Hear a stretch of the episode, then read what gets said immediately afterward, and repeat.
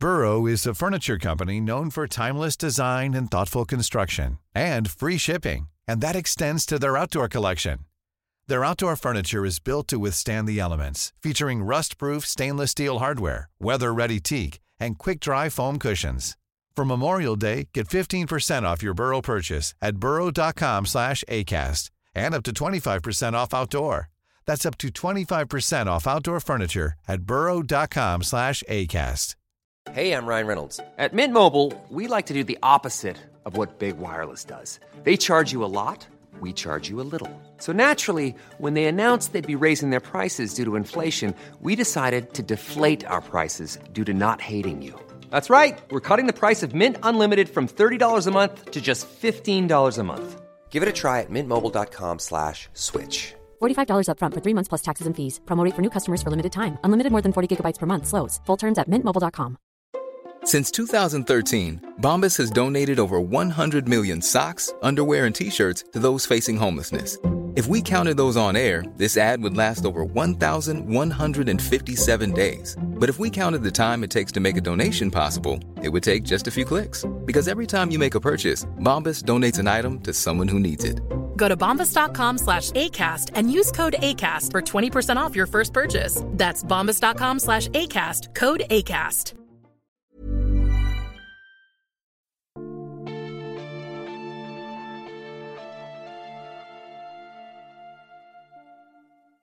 Välkomna till Sagan om Isfolket-podden Avsnitt 32 Hunger Jag heter Dan och med mig har jag Anna Hej Anna! Hej Dan! Hej! Oj, hunger! Ja, det här var ju misär på en helt ny nivå. Ja, eh, jag var mest förvånad över att jag kom ihåg hennes liv i i svälten som typ halva boken. Men det var ju bara några sidor i början. Ja, det var det. Jag minns dem också mycket längre. Men jag tror att det är för att det är väldigt välskrivet. Ja, det är ju Margit kan ju skriva om saker som är eländiga. Oh ja, det kan hon. Och det är ju sällan det är så eländigt som det är för stackars Marit. Nej, alltså det här är ju bara... Det är så mycket misär och svält och ensamhet så jag får lite jag får lite klaustrofobi av att läsa de första sidorna. För det är inget, ingen ljuspunkt någonstans. Nej, det är så becksvart. Lite ljuspunkter har jag hittat ändå. Okej. Okay. Men eh, ja, det är inte roligt. Nej. Men faktum är att jag blev lite berörd vid flera tillfällen av boken. Jag har ju ofta exemplifierat det som kan vara dåligt ibland i Isfolket med den här boken. Jag har fasat för den här boken. Mhm, mm jag med. Men ja, ska vi angripa handlingen? Ja, och vi kommer nog bli lite överraskade. Men om vi börjar från början. Som sagt, misär och ångest. Marits syskon är rövhattar. För vem fasen lämnar en tioårig flicka för att ta hand om sin, deras sjuke far medan de drar till Amerika? Ja, ta hand om gnällgubben nu, vi drar, hej då! Och de skickar inte hem några pengar eller någonting i den stilen. Och Marit är tio år! Ja, vad, vad ska man säga liksom? Det, ja, jättehemskt. Jag hoppas alla hennes syskon dog i pesten borta i Amerika. Det var därför de slutade skriva. För de förtjänar fan ingen lycka så som de behandlar Marit. Nej, och eh, sen dör ju otäcke farsan väldigt mm. fort. Väldigt fort. Och sen är allting supereländigt. Det är precis som Ja, vi har ju sett det här förut. Vi har sett den elaka pappan förut. Vi har sett den stackars ensamma flickan förut. Mm, bödens dotter någon. Ja, och här finns det ingen, ingen get som kan vara schysst kompis heller. Utan allting bara eländigt. Och Marit i sig själv är så nedbruten av det här. Så att det finns ju ingen, ingenting upplyftande med henne heller egentligen. Nej, faktiskt inte. Jag har ju alltid tänkt på den här boken just som en slags att Margit har återanvänt mycket från Bödens dotter och lite grann från när Vinga var ensam uppe i skogen där som du säger med sin get. Ja, men det var ju rena festen jämfört med det här.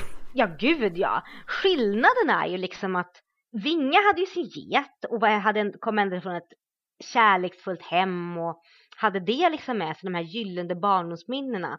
Hilde då är Bödens dotter och hon höll ju sig undan folk för att hon hade stigma för hennes far var rackarens medhjälpare.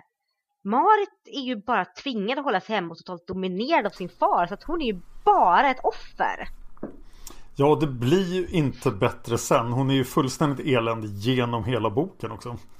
Ja, hon har väldigt lite egen personlighet tyvärr. Ja, hon är ju faktiskt bara eländig. Ja, Och sen blir hon glad när någon är snäll mot henne. Precis. Jag försöker tänka efter vad vi vet om Marit så här, som person. Hon tycker om blommor, hon kan skriva och läsa eftersom vi vet att hon får brev från sina syskon i början. Ja. Hon kan laga mat. Nej, det kan hon ju inte. Nej just det, det kan hon inte. Hon kan laga gröt hjälpligt. Hon kan slicka Ja. ren tallrikar. Hon låter mer och mer som en hund. Åh gud vad hemskt. Men alltså hon, hon verkar som en väldigt fin själ, en väldigt snäll och godhjärtad själ som bara hamnat i kläm. Men vi får aldrig någon bild av vad hon egentligen kan och vad hon egentligen är och vad hon drömmer om förutom att hon vill bli älskad av Kristoffer. Ja, hon känns väldigt platt. Jag tycker varenda karaktär i den här boken känns otroligt platt. Jag tycker nog att skurken är, alltså Lise Merete tycker jag i så fall är det mest icke-platta.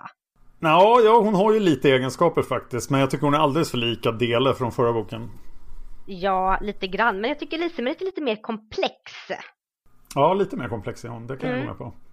det här med kontrollbehovet och svartsjukan och det här att manipulera folk. Adele var ju bara en dum gås på många sätt. Ja. Mm. Men nu hoppar vi vilt här. Då ska vi se här. Är det dags att kravla ner från svälten? ja, Marit i svälten ska ner från svälten. Mm. Ja, så hon kryper därifrån. Men inte ens det klarar hon av. Utan hon blir liggande på ja, heden. hon är ju hon är ju inte bara utsvulten, hon är ju sjuk också. Ja. Och här Dan, kanske du kan ge mig lite upplysningar. Hon alltså har en blindtarmsinflammation Ja. som hon har haft i flera år. Ja. Är det ens möjligt att gå med något så allvarligt i flera år? Det är en bra fråga faktiskt. Eller hur? Ska jag försöka googla lite i smyg här i bakgrunden. det får du göra.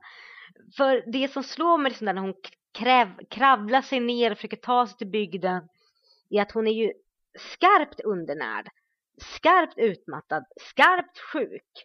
Och det, det finns ju så mycket som talar mot henne ändå för att hon inte dör uppe på myren att de här två barnen hittar henne. Men jag har fortfarande så svårt att se att hon skulle gått med den här blindtarmsinflammationen i flera år obehämd och var kapabel att ta sig så långt med en utsvulten kropp. Enligt eh, blindtarm.se säger de att eh, det är viktigt att bli behandlad för en obehandlad inflammation i blindtarmen kan göra att blindtarmen brister. Och infektionen Mm. kan då spridas i buken. Skulle detta hända är tillståndet mycket allvarligt. På mindre barn brister blindtarmen lättare än hos vuxna. Hos vuxna kan det ta upp till tre dagar innan den brister. Men hon har ju haft det i flera år. Hon är otroligt hård tydligen. Det kanske blir så att när man är sjuk och mår dåligt och är undernärd så kanske blindtarmen går in i någon slags hibernation stadie. Ja, den hade inte näring nog att spricka. Nej, inte förrän man skar upp henne och någon rörde vid den. Jag, jag förstår vad Margit vill säga här, att det är att hon är livshotande sjuk. Men om det är så som du säger på blindtarm.se så håller det ju inte, för hon kan inte vara sjuk i tre år med en blindtarmsinflammation. Hon hade ju varit död. Eh, ja, Ja, anyhow. Förlåt. eh, ja, barnen hittar Marit, eh, barnen springer och hämtar hjälp och då får vi träffa Kristoffer Wolden. Som alltså är och låtsas fiskar. För att han tycker Ja. så synd om fiskarna att han inte kan dra upp dem. Han är ju så mycket isfolket så att det skriker om det här. Han är galopperande isfolket och han känns också fullständigt platt. Tyvärr. Jag jämför honom ju väldigt mycket med Mattias eftersom vi har ju samma grej här. Vi har den ensamma flickan som möter den välbärgade doktorn. Det har vi sett i Bödens dotter. Men Mattias var ju, hade blivit uppbyggd i en, alltså i två böcker innan som godhet och mildhet. Och Kristoffer känns så väldigt, jag vet inte riktigt. Vi kände ju Mattias. Vi hade varit med honom i gruvorna och vi hade upplevt Mm. allting. Men Kristoffer känner vi inte. Han var ett fullständigt frågetecken i förra boken och nu är han en läkare. Precis. En ganska bra läkare. Det tycker jag sammanfattar hela hans person. Ja, jag kan väl ändå, jag kan tycka att det enda som är bra med honom, eller som gör att jag ankrar an till honom, är att han har de här, vad ska man säga, vardagliga problemen. Han har kärleksbekymmer, han vet inte hur han ska prata med sin fästmö. Han oroar sig för situationen för sitt jobb.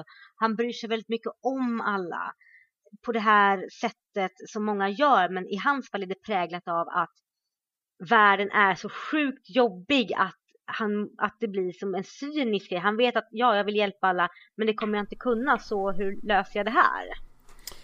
Ja, jag kan inte komma ifrån att jag tycker han är rätt tråkig. Ja, det är han också.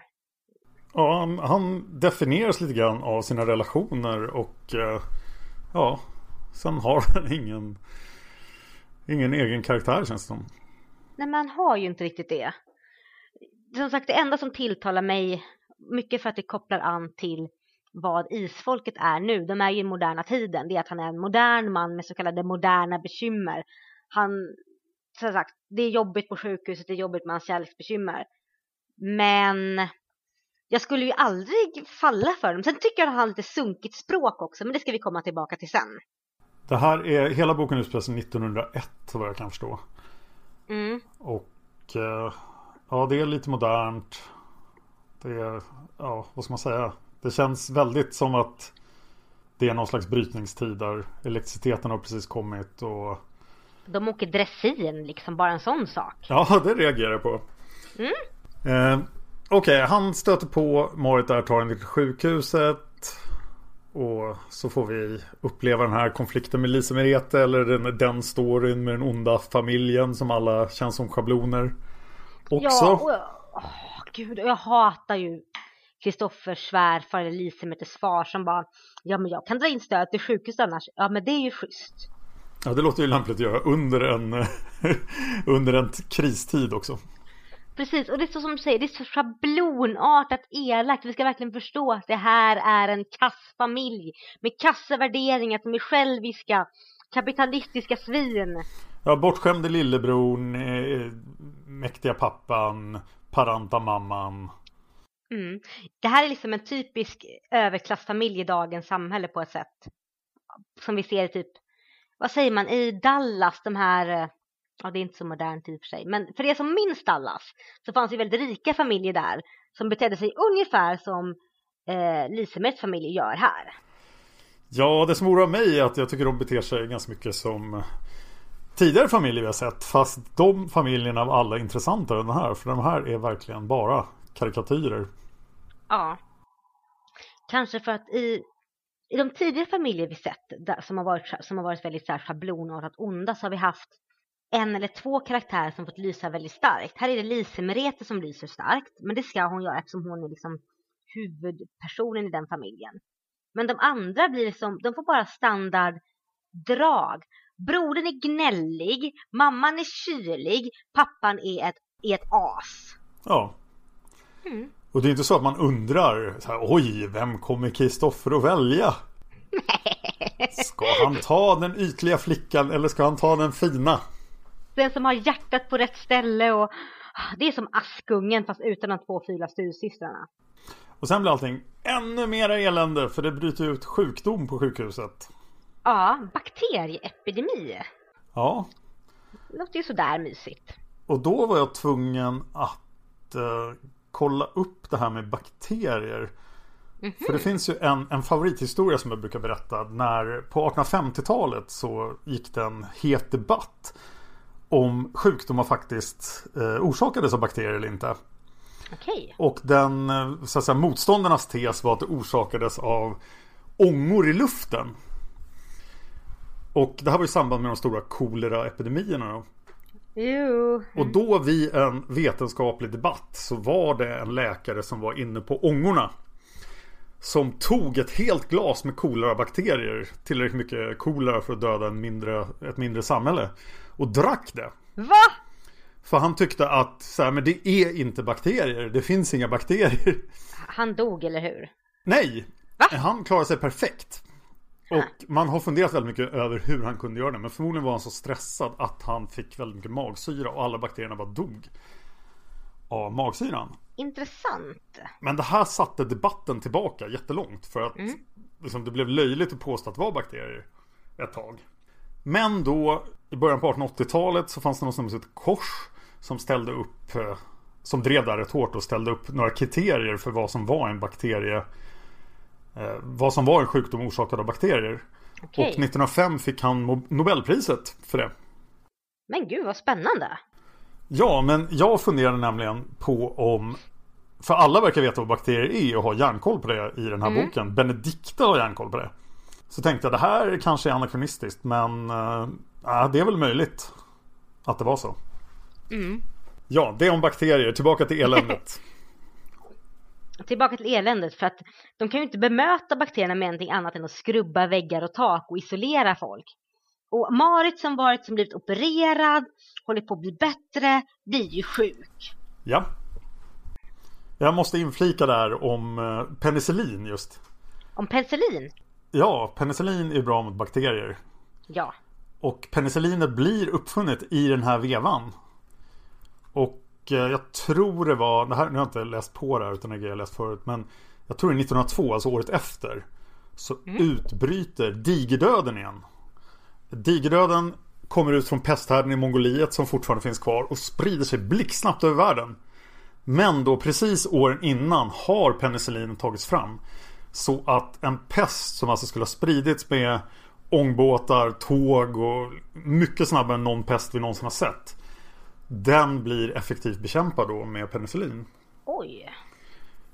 Och då tycker man om de kunde bekämpa digerdöden året efter så fanns det inte penicillin här då. Men det fanns det tydligen inte. Tydligen Det inte. måste ha kommit precis i den vevan. Nu känner jag att jag borde ha kollat upp det här innan. Jag bara kom på det nu. Jag med.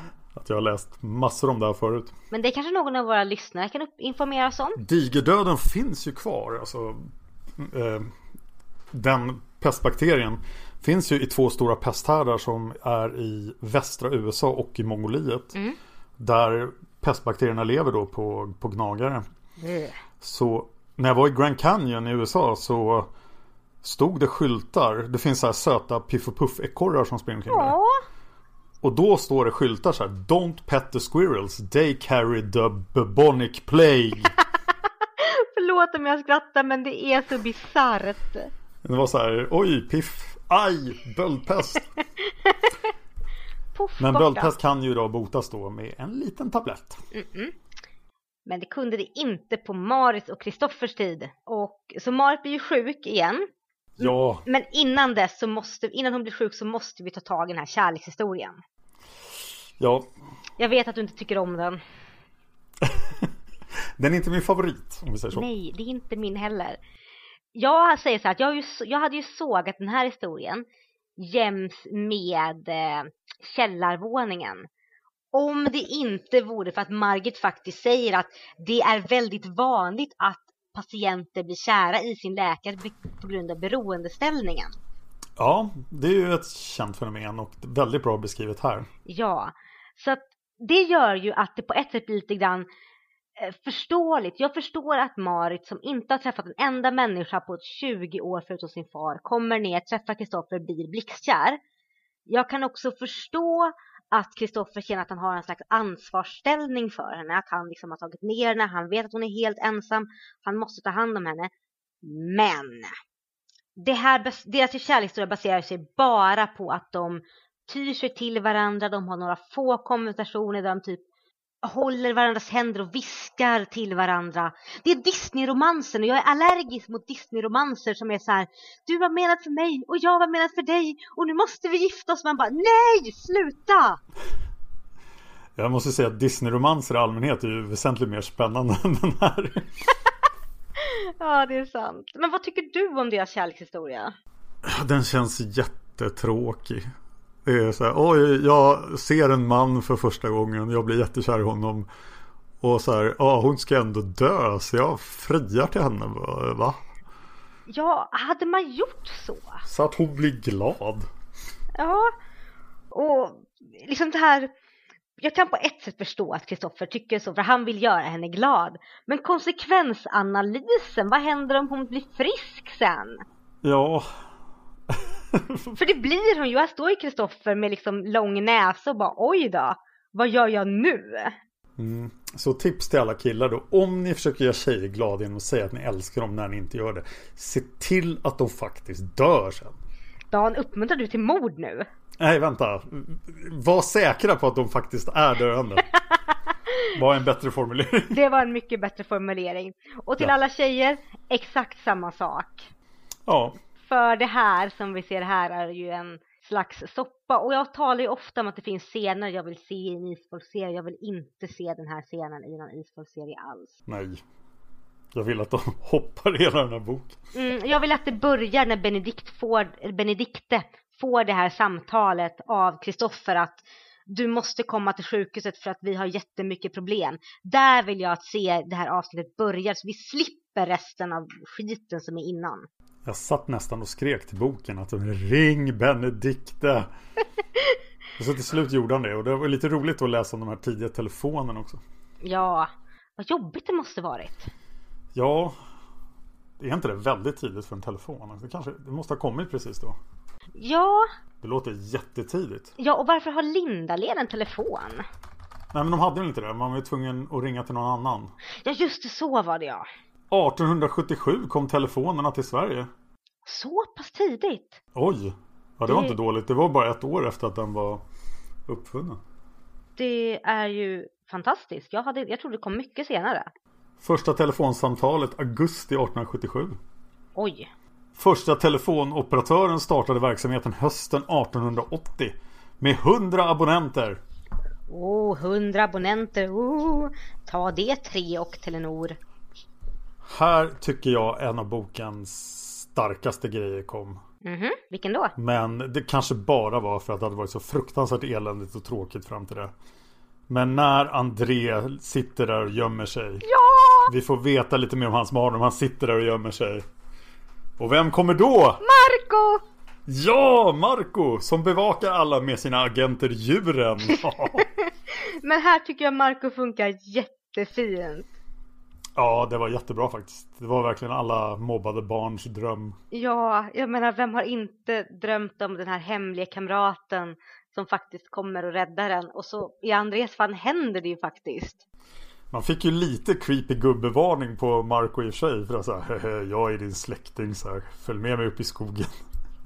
Jag tänkte på det också, vi måste ta in det här i rätt sammanhang. Ja, Att det är Marco, Marco avger inga creep-vibbar. Hade någon annan gjort det här hade det varit creepy. När Marco gör det är det bara fint.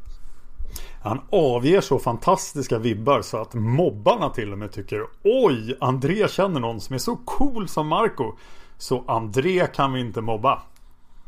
Nej men det är lite så. Och jag tycker det är väldigt, väldigt fint. För som sagt, det här är ju alla mobbade barns högsta dröm att faktiskt liksom bli sedda som den de är och få vänner. Och genom att Marco bara är med André så händer ju detta. Marco behöver inte gå in och säga till dem att ni ska ge fan i André utan han bara är där och sen så börjar de andra lära känna André och så får han det bra. Han behövde skicka några vargar på mobbarna. Och det hade varit jättedåligt. ja. Ja men det är fint. Jag, jag är väldigt glad när historien går tillbaka till just Benedikte och Linda Len. Ja, som alltid. Vi vill tillbaka till Lindalen. Mm. Och sådär. Och det, Jag tycker det är lite roligt just att André vet om det här med Marco och håller det hemligt också. ja, Han bara, "Ja, jag har en hemlig kompis. när man är nio år och lyckas hålla en så stor sak, stor sak hemlig, det är rätt imponerande. Ja, jag tycker faktiskt André är en betydligt intressantare karaktär än Kristoffer Wold. Ja, faktiskt. För André känns, jag vet inte riktigt, han känns trevlig. Ja, nej, han verkar spännande. Det ska bli intressant att se mer om honom. Precis. Men det har ju hänt lite grann i Isfolksfamiljen också under de här tiden som vi har varit borta. Ja, Mm. var det nu eh, Christer och Magdalena hade dött? Japp, de hade dött. Så nu är Sverige helt avvecklat. Ja, och på ett sätt är jag väl lite glad för att Sverige går ut i bilden eftersom jag tycker inte den svenska grenen gjorde så väldigt mycket för det norska. De var mest bara gnälliga. Men att Christer och Magdalena försvann, det gjorde lite mer ont än vad jag trodde faktiskt. Ja, det var tråkigt. Ja, och sen Dan, nu kommer jag krossa ditt hjärta. Nej. Ja, för det jag tänkte på, jag bara, men Christer är död och Magdalena är död. Då är hunden också död! Ja, det är det nog. Ja, eller hur? Förlåt. Jag bara Om kom den på inte det. fick följa med till de svarta salarna. När hunden var gammal så kom Marco och bara kom med mig. Jag hade en sparv här som bevakade dig, hunden. Ja, kanske det. Så kan det ha varit. Sagas alla grejer kommer till, eh, till Vanja också. Ja, precis. För Vanja har ju växt upp nu. Mm, och någonting är fel med Vanja. Kan vi prata om det istället för den tråkiga kärlekshistorien? Nej, det tänker vi göra Ah, sen. asch, va, okej. Mm. Jag vill inflika att eh, jag tycker Marco är superskum i den här boken. Va, tycker du? Ja, vad 17 sysslar med. Alltså, han kan inte liksom vara med sin släkt. Men han kan hålla koll på massa sparvar och älgar som har koll på dem. Och han måste ju syssla med någonting under hela den här tiden. Så det ska bli väldigt intressant att höra vad det är. Mm. För han har ändå missat ja, hela sitt vuxna liv tillsammans med sina släktingar. Japp. Det, det jag tänker är ju att... Okej, jag börjar om.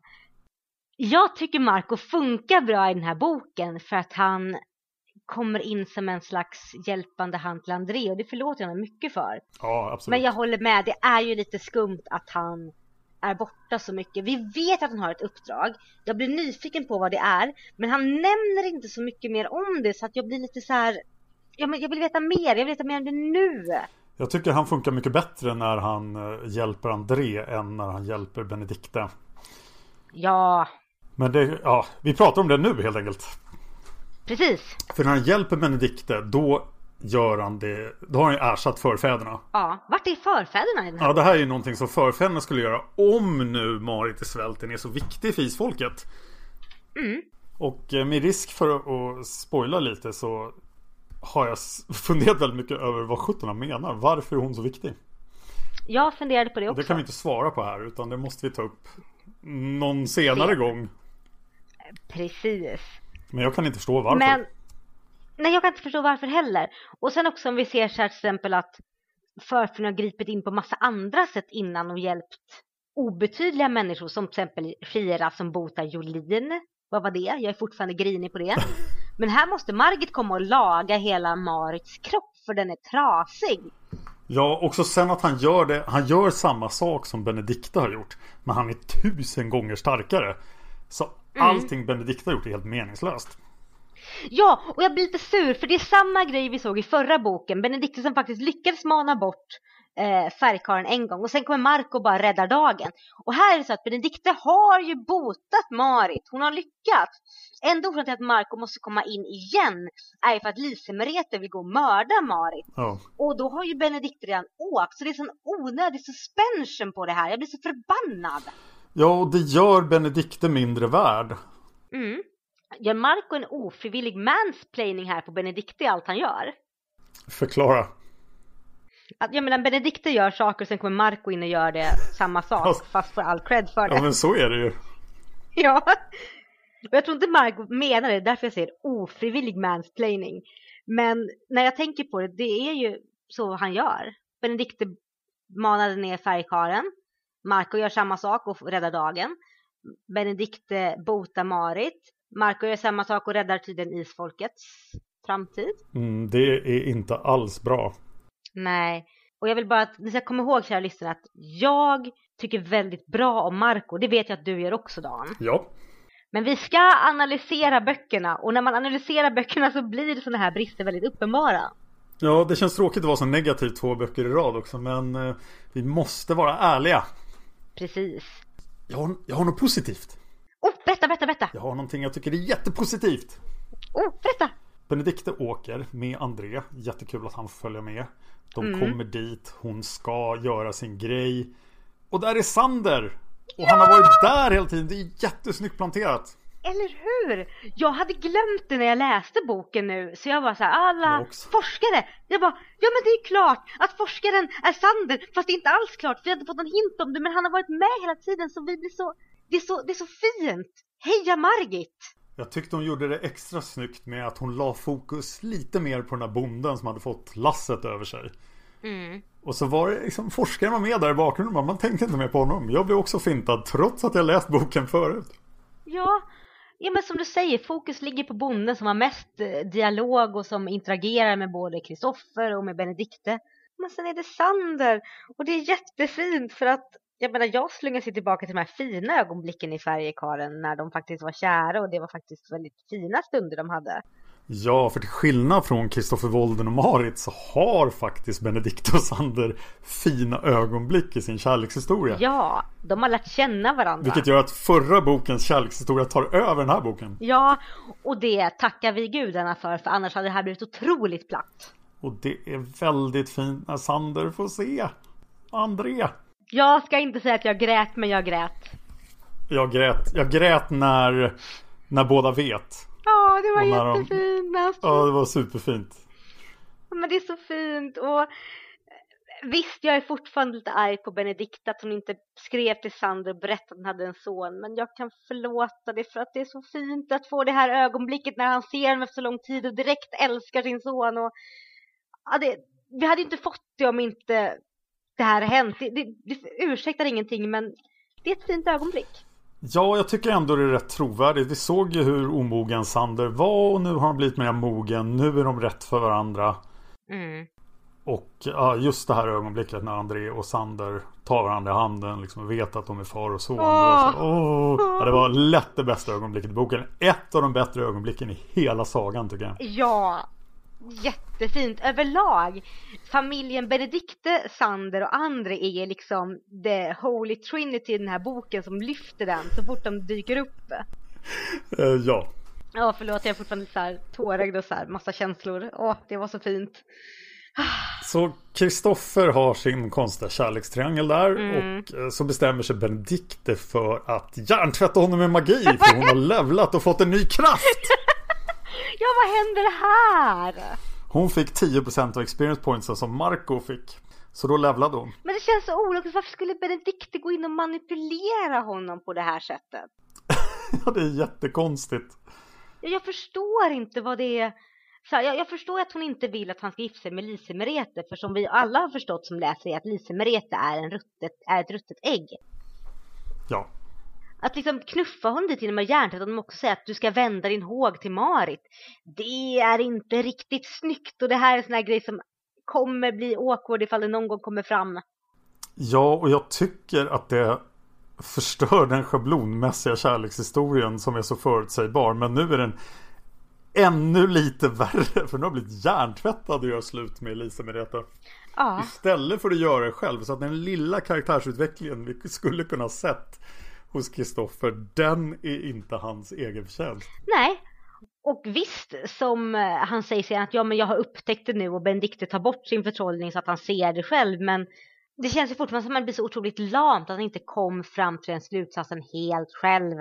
Ja, nej, ja, så är det. Ja, sen är jag i sig väldigt glad att Lise Merete försvinner ut ur historien här för ett kort ögonblick för hon är jättejobbig. Men just det, jag måste ta upp det här, Kristoffer har ett lite sunkigt språk. Okej. Mm. Och det är inte så mycket, alltså det är inget så här allvarligt eller sexistiskt på det sättet, men han omtalar hela tiden Lise Merete som stackars barn och lilla flicka. Och jag blir så här, men du kan ju inte säga, du kan ju inte behandla henne som ett barn och tänka på henne som att ja, det stackars barnet är så svartsjukt och samtidigt gnälla på att den är omogen. Nej. Den lilla detaljen skavde i mig nu när jag läste om boken. För att jag, jag bortförklarar inte på något sätt att Lise Merete är en, kontro, eller en, en människa med kontrollbehov. Hon är manipulativ och har inte så mycket djupare känslor för Kristoffer. Hon vill bara ha honom för att han är rik. Men samtidigt så tycker jag att sättet, alltså Kristoffer tar inte deras relation, relation heller seriöst för han behandlar henne som någon form av barn samtidigt som han tycker att det är jobbigt att hon är omogen och ytlig. Ja. Och vad är det, Kristoffer är 29 och Lise Merete är, Nej, Marit var 29 Så var och det. Kristoffer är 27. ja, och Lise Merete är 22. Mm. Jag jag blir lite så här, ja Kristoffer du får ju lite grann vad du siktar på. Jag är lite ledsen men stå inte, kom inte här och sätt dig på din höga häst och se ner på henne när du själv behandlar henne som ett barn. Ja. Ja, förlåt det var min utläggning. Ja, vi dumpar henne. Hon försöker mörda Marit. Eh, Den sluge gubben Johannes ser en massa saker. Och överläkaren är relativt vettig i bakgrunden. Ja, namnlös men vettig. Ja, och polisen kommer och Lise Merete får... Hon blir arresterad men sen får vi inte reda på något mer vad som hände med henne. Nej, jag tror att de har slutat med avrättningar i Norge så jag tänker mig att hon får fängelse eller något liknande. Ja, det låter väl rimligt. Ja, Kan vi lämna den där stackars stan och sjukhuset då? nej, det kan vi inte än för att vi har inte kommit till det viktiga än. Eller det viktiga i den här historien det är att när Lise, Burrow's furniture is built for the way you live. From ensuring easy assembly and disassembly to honoring highly requested new colors for their award-winning seating, they always have their customers in mind. Their modular seating is made out of durable materials to last and grow with you. And with Burrow, you always get fast, free shipping. Get up to 60% off during Burrow's Memorial Day sale at burrow.com slash ACAST. That's burrow.com slash ACAST. burrow.com slash ACAST. Hi, I'm Daniel, founder of Pretty Litter. Did you know cats tend to hide symptoms of sickness and pain? I learned this the hard way after losing my cat, Gingy. So I created Pretty Litter, a health monitoring litter that helps detect early signs of illness by changing colors, saving you money and potentially your cat's life. Pretty Litter is veterinarian developed, and it's the easiest way to keep tabs on your fur baby's health right at home. Go to prettylitter.com and use code ACAST for 20% off your first order and a free cat toy. Terms and conditions apply. See site for details. Hey, Dave. Yeah, Randy. Since we founded Bombus, we've always said our socks, underwear, and t shirts are super soft. Any new ideas? Maybe sublimely soft. Or disgustingly cozy? Wait, what? I got it. Bombus. Absurdly comfortable essentials for yourself And for those facing homelessness. because one purchased equals one donated. Wow, did we just write an ad? Yes. Bombas. Big comfort for everyone. Go to bombas.com slash ACAST and use code ACAST for 20% off your first purchase. Lise försökte döda Marit. Polisen kommer, jadda jidde. Marit är ju fortfarande jättesjuk så Kristoffer gifter sig med henne. Ja, Ja, för att göra henne glad. Och sen kommer hon dö. Men nu kommer Marco. ja. Ja, vad gör Marco? Han lägger Svartängel Heal på, på Marit och ja, det funkar jättebra. Ja, det är rollspelsvariant till heal eh, critical wound. Ja, det är lite så här läskigare när eh, Benedikte kommer och petar på folk, men det är mycket effektivare. Mm. Och sen blir Marit frisk och bra, allting blir jättefint, de åker hem. Vi har tagit det här fina ögonblicket med Sander och Benedikte och Andrea och det är väl det enda fina. Men sen kommer vi till det här som faktiskt jag hade glömt bort var i den här boken. Vad är det då? Släktmiddagen. Vi hoppar över de där två awkward veckorna i, eh, Sand, i, i Sander, Kristoffers lilla lägenhet. Jag orkar inte. Ja, nej, vi- vi- mot Lindalen. Mot Lindalen med språng. Ja, de får ett hus. Allting blir jättebra. Nu är det släktmiddag. Släktmiddag, woho! Ja, och där Isfolket tar ju hand om eh, så här misärindivider väldigt bra, det vet vi ju. Precis, och det är mysigt och vi återser Henning och hans fru Agnete. Sander är ju där då, Benedikte är där, Kristoffer och Marit såklart, Per och Malin. Och så har vi ju Vanja. Ja, lilla Vanja, 17 år. Mm. Ja, Lite konstig. lite konstig. Lite eh, ångestfylld, orolig. Och visst, hon är 17 men alla tycker att det verkar vara något mer och hon är jättevacker. Fantastiskt vacker. Ja, Mm. Och de sitter ju där på släktmiddagen och har det trevligt och sen knackar det på dörren. och det är Marco Hurra! som har bestämt sig för att äntligen komma på släktmiddag. Ja! Undrar hur många så här, tyvärr jag kan inte komma, brev han har fått skicka genom åren. Mm, han kommer ju inte ens i tid, han kommer ju till efterrätten. Ja, För han är en gottegris. Precis, han tycker om sötsaker. Mm, han bara, efterrätt. Förlåt, han kanske tycker om eh, lussekatter. Oh. Ja, och han berättar att han vakar över familjen med hjälp av djur. Ja, och det är jättekonstigt. Så de har en älg i färgoset, Vanja har en korp. Malin hade en fågel, varför har... Eller Marit hade en fågel, det är också så här, va? Ja, den hade vi faktiskt sett tidigare i boken också, så det var ju trevligt. små planteringar som inte är så störiga men som ändå knyter ihop saker på ett rätt bra sätt. Och Henning hade sin gamla häst. Ja, den gamla hästen Blacken. Oj. Eh, ja, Men Marco är ju inte här bara för att berätta att han har djur som spionerar på dem. Han är ju här för att prata med Vanja. Ja, han är också där för att berätta för dem att det här är sista gången han kommer. För nu skiter han i det här. Nu ska han göra Jävlar. andra grejer. Så jädra dramatiskt. Ja, verkligen drama queen. Ja. Jag kommer aldrig tillbaka igen för att eh, någon annan kommer istället. Precis. Det är inte jag som kommer. Oh. Och Benedikte kommer vara här och ta hand om er. Typ. Man, man skulle ju undra med den där förklaringen också. Varje gång det kommer en ny människa så bara "Ah, Är det Marco som har skickat dig? Bara, Nej, jag är brevbäraren. Bara, men du! Bara, Nej, jag hämtar era sopor. Ja, men du ser ny ut. Ja, det är för att jag nyss är ny på jobbet. Är du säker på att du inte fått något brev från någon svartängel? Nej, på riktigt inte. Ja, men som sagt han är där för att prata med Vanja för Vanja har bekymmer. Ja, och här vänder ju sagan från all misär i vardagslivet tillbaka till isfolkets episka saga. För Vanja har ju problem med att hon kämpar mot Tengil den onde får vi reda på här. Vad händer här? Ja, vad får vi reda på här egentligen?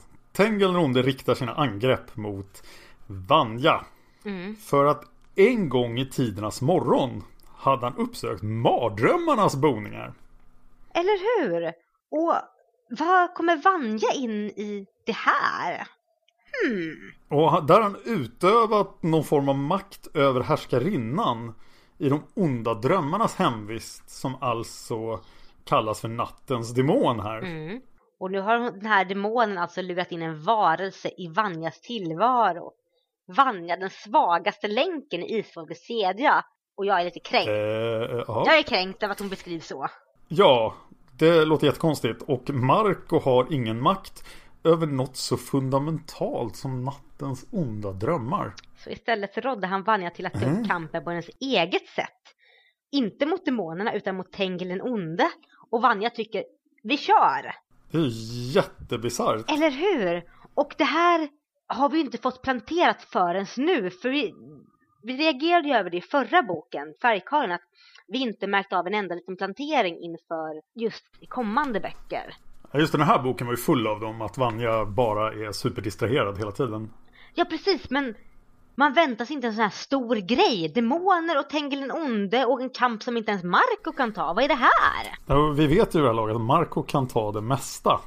Mm. Så vad är det Marco inte kan ta? Så därför vänder nu isfolkets saga tillbaka till Vanjas fasaväckande barndom. De först kom i Oh. förbindelse med den utsände som skulle bli hennes följesvän genom hela uppväxten. Eh, någon sån har vi inte sett till. Nej, inte alls. Och det är lite skräckblandad förtjusning jag ser fram emot det här. Uh. Ja, och nästa bok är ju mångas favorit. Och eh, jag tror inte det Mhm. finns någon som riktigt ogillar nästa bok. Så det kommer bli helt fantastiskt bra efter de här två böckerna. Men vi har en liten detalj kvar.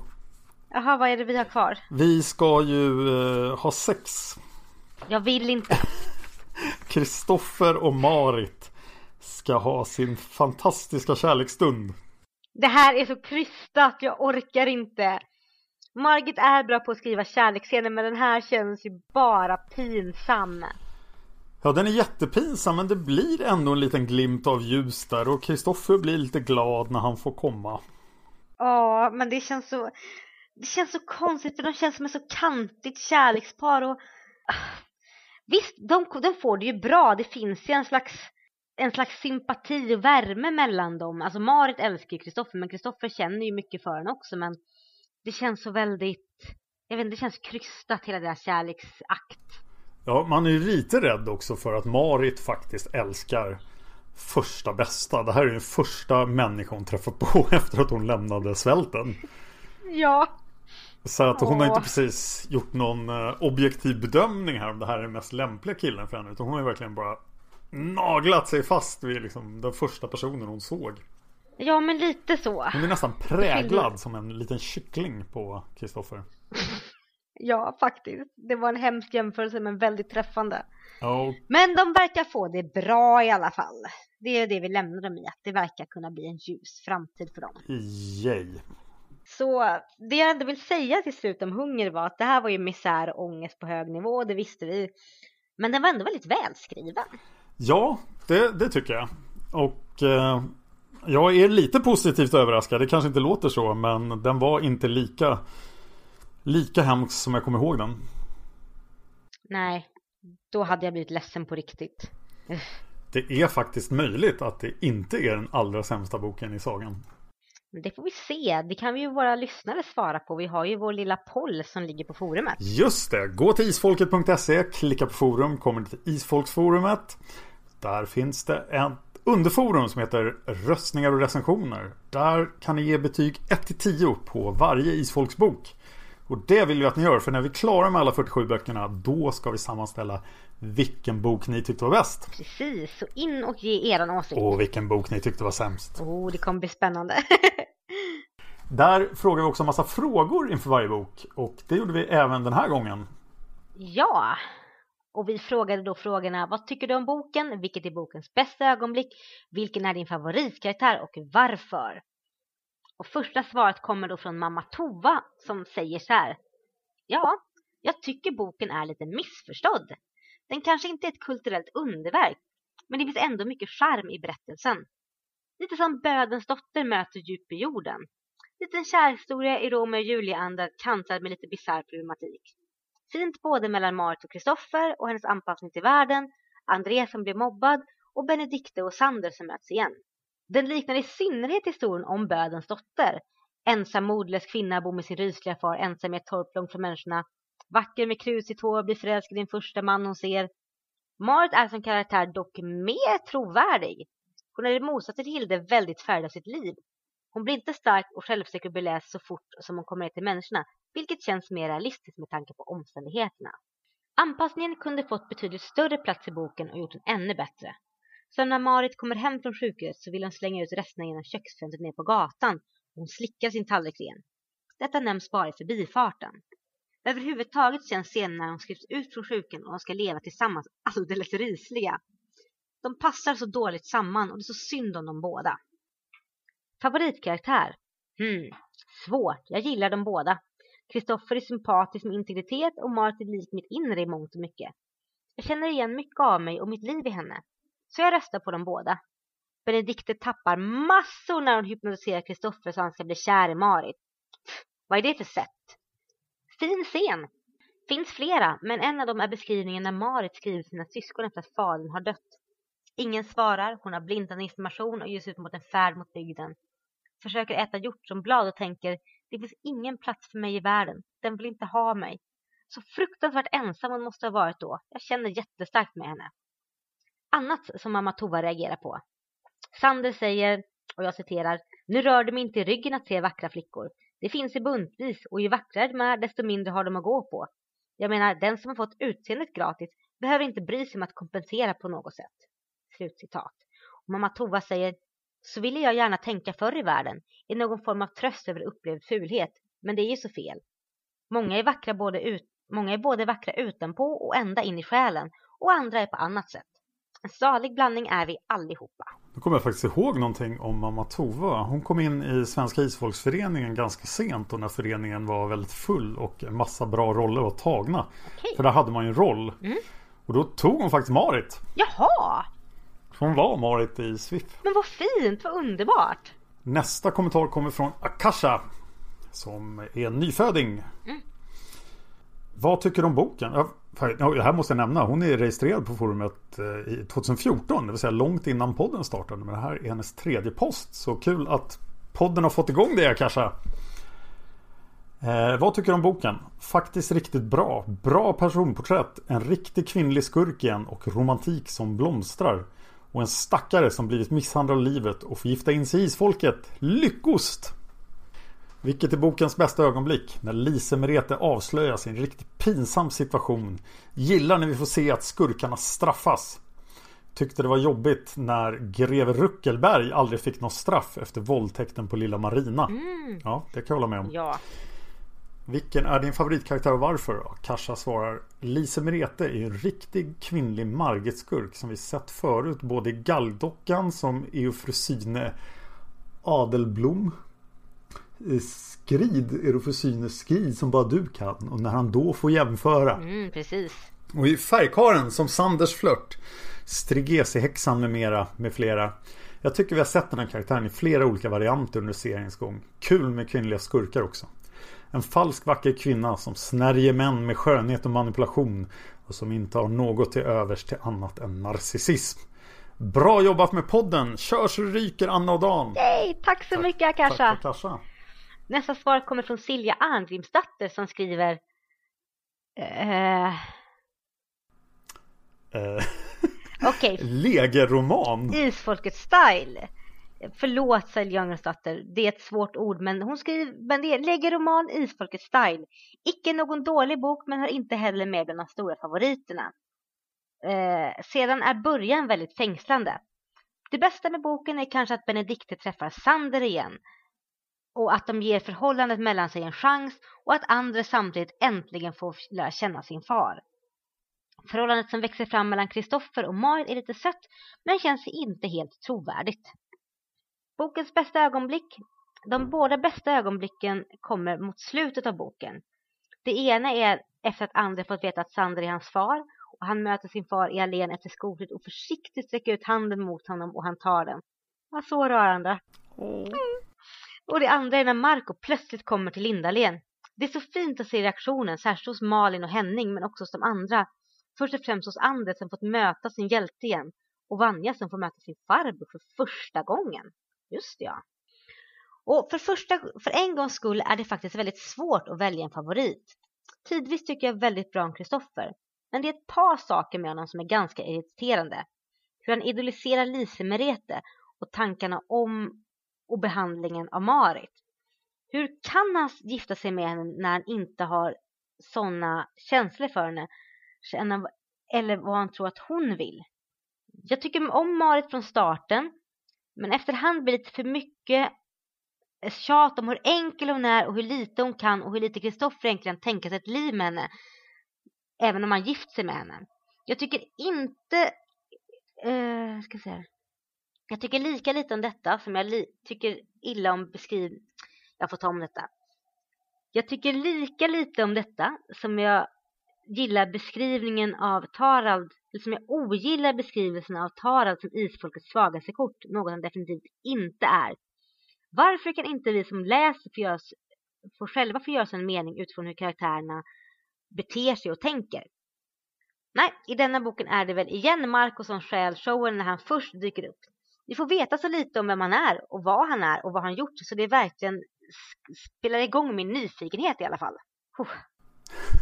Och sen är det fröken Anna-Maria som eh, tycker om boken. Inte särskilt mycket alls. Väldigt mycket mellanbok. Det är en bra beskrivning av mänskligt elände i början. Ganska likt Bödens dotter. Men medan Hilde Joelsdotter hade mycket av en egen personlighet så blir Marit bara eländig, sjuk, svältande och enkel. Känns som hon bara är där för att isfolket ska få visa vilka goda och uppoffrande människor de är. Förstår inte riktigt vilken funktion hon annars fyller och varför det är så nödvändigt att Marco räddar hennes liv annat än för att han tycker synd om henne. Mest fungerar hon som en kontrast till Lise Merete. Kristoffer känns som han är totalt ytlig och bortkollrad av flickvännens vackra hy och kropp utan att se vilken hemsk människa Lise Merete är egentligen. Men äntligen en härlig beskrivning av tidens mode. Ja! Det gillar jag. Hårvalkar med brödskorpor och hattnålar samt strama klänningar. Mm -hmm. Bästa ögonblicket. Finast är återseendet mellan Sander och Benedikte. Jag minns att jag blev rejält överraskad när jag läste boken första gången. Trodde inte de skulle mötas igen så snart och inget hint om den unge forskaren med såret på handen fick mig att tänka att det möjligen var Sander. Annars är jag för en gångs skull rejält skadeglad när Lisa Merete åker dit för mordförsök mitt framför familj och väninnor. Vanligtvis brukar jag lida lite grann med skurkarna och vilja ta fram skämskudden. Men Lise Merete är så hemsk att jag bara tänker rätt åt dig Satmara. Favoritkaraktär Benedikte som upplevs som den enda vettiga och inkännande människan i hela boken. Jag tycker om när hon går runt och helar patienterna och visar både ömsinthet och kraft att fräsa ifrån. Sen gillar jag Bonden med stenlasset och Gamle Johannes som ser allt. Mm -mm. Nästa svar kommer från Tankred som säger Boken har blivit mycket bättre när jag lyssnat på den igen. För innan var det för mig bara en mellanbok. Ingen höjdare precis, men nu har jag börjat uppskatta den mer och mer. Det finns många fina ögonblick i den här boken. Alla de gånger Kristoffer försöker rädda Maris liv. Men mitt favoritögonblick är när Benedikte och Sander möts igen på sjukhuset och Sander får veta att han har en son. Det är ett riktigt fint ögonblick som jag fängslades första gången jag läste boken. Men när Sander får se André kommer på en klar andra plats. Favoritkaraktär? Ja, det får bli Kristoffer Wolden, den fine doktorn. Jag har ingen bra anledning till varför han är min favorit. Men kanske är det för att han verkligen bryr sig om sina patienter och att han verkar vara så omtyckt av dem i sin tur. Taggar fortfarande för nästa bok, längtar. Ja, vem gör inte det? Nattens demon. Woo! Nästa kommer från Nolau. Vad tycker du om boken? Det är inte en av de bästa böckerna, men jag tycker det är en av de bättre mellanböckerna. Till skillnad från Färgkaren som jag avskydde. Skönt att få återhämta sig lite efter den tortyren. Även om det känns som att grundhistorien är lite återanvänd. Flicka i misär, stilig och duktig isfolket man. En vidrig och osympatisk kvinna med vidrig och osympatisk familj. Drabbad, slash förfäderna, slash Marco.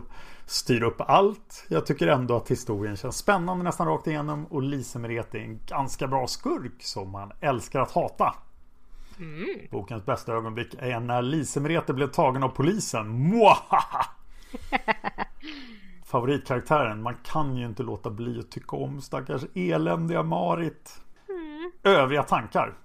Varför var Kristoffer och Marit tvungna att gå hela vägen allra första gången de var nära varandra på riktigt? Marit hade ju så extremt lite erfarenhet av all mänsklig kontakt att det hade räckt om de hade kyssts och känt lite på varandra till en början. Nu gick det ju bra ändå. Men med att många får ont första gången kanske man hade kunnat ta det lite lugnare. Jag tycker också att det känns så konstigt att Kristoffer så ofta tänker lilla barn och Marit. Kvinnan är ju liksom nästan 30. Ja jävlar, det gör han ja. Åh, Kristoffer ditt... Kristoffer, du får inga poäng här. Nej, smutsig isfolket man, smutsig isfolket man. Usch. Vi har fått en iTunes-recension. Och det... Har vi? Ja, det tackar ja! vi för. Vi vill hemskt gärna ha iTunes-recensioner. För om ni ger oss iTunes-recensioner och säger vad ni ärligt tycker och vad vi kan göra bättre och vad vi gör bra så hittar fler folk den här podden. Och den här iTunes-recensionen kommer från Belmina. Eh, hon säger Den här podden har verkligen växt och jag gillar att höra era tankar. Jag konverserar livligt med er under tiden som jag lyssnar. Det skulle vara roligt att höra. Ja. Spela in dig själv när du pratar med oss. Så ska jag lägga upp ja. det på YouTube-kanalen. Om jag ska komma med något förslag så är det att prata ihop er om hur namnen uttalas i förväg. Whoops. Hoppsan förlåt. Och sen försöka hålla er till samma uttal. Whoops. Men det är bara små saker. Tack så jättemycket för en bra podd och för att ni gör det här jättejobbet. Tack så mycket Belmina. Tack. Tack så jättemycket. Och angående namnen. Vi är kassa på det. Och det är inte vår eminenta norska avdelningsfel utan det är, det är vi som inte, inte är tillräckligt bra helt enkelt. Oops. Fyra stjärnor fick vi av Belmina och det tackar vi för. Tack så hemskt mycket. Wow! Sen har vi då en till sektion på forumet som finns på isfolket.se. Och det är då fel och missar i böckerna. Det är en tråd om varje bok. Och ni får hemskt gärna skriva upp fel och missar ni hittar i de böcker vi inte har pratat om än. Men nu ska vi syna felen och missarna i hunger. Och den första kommer från Heike.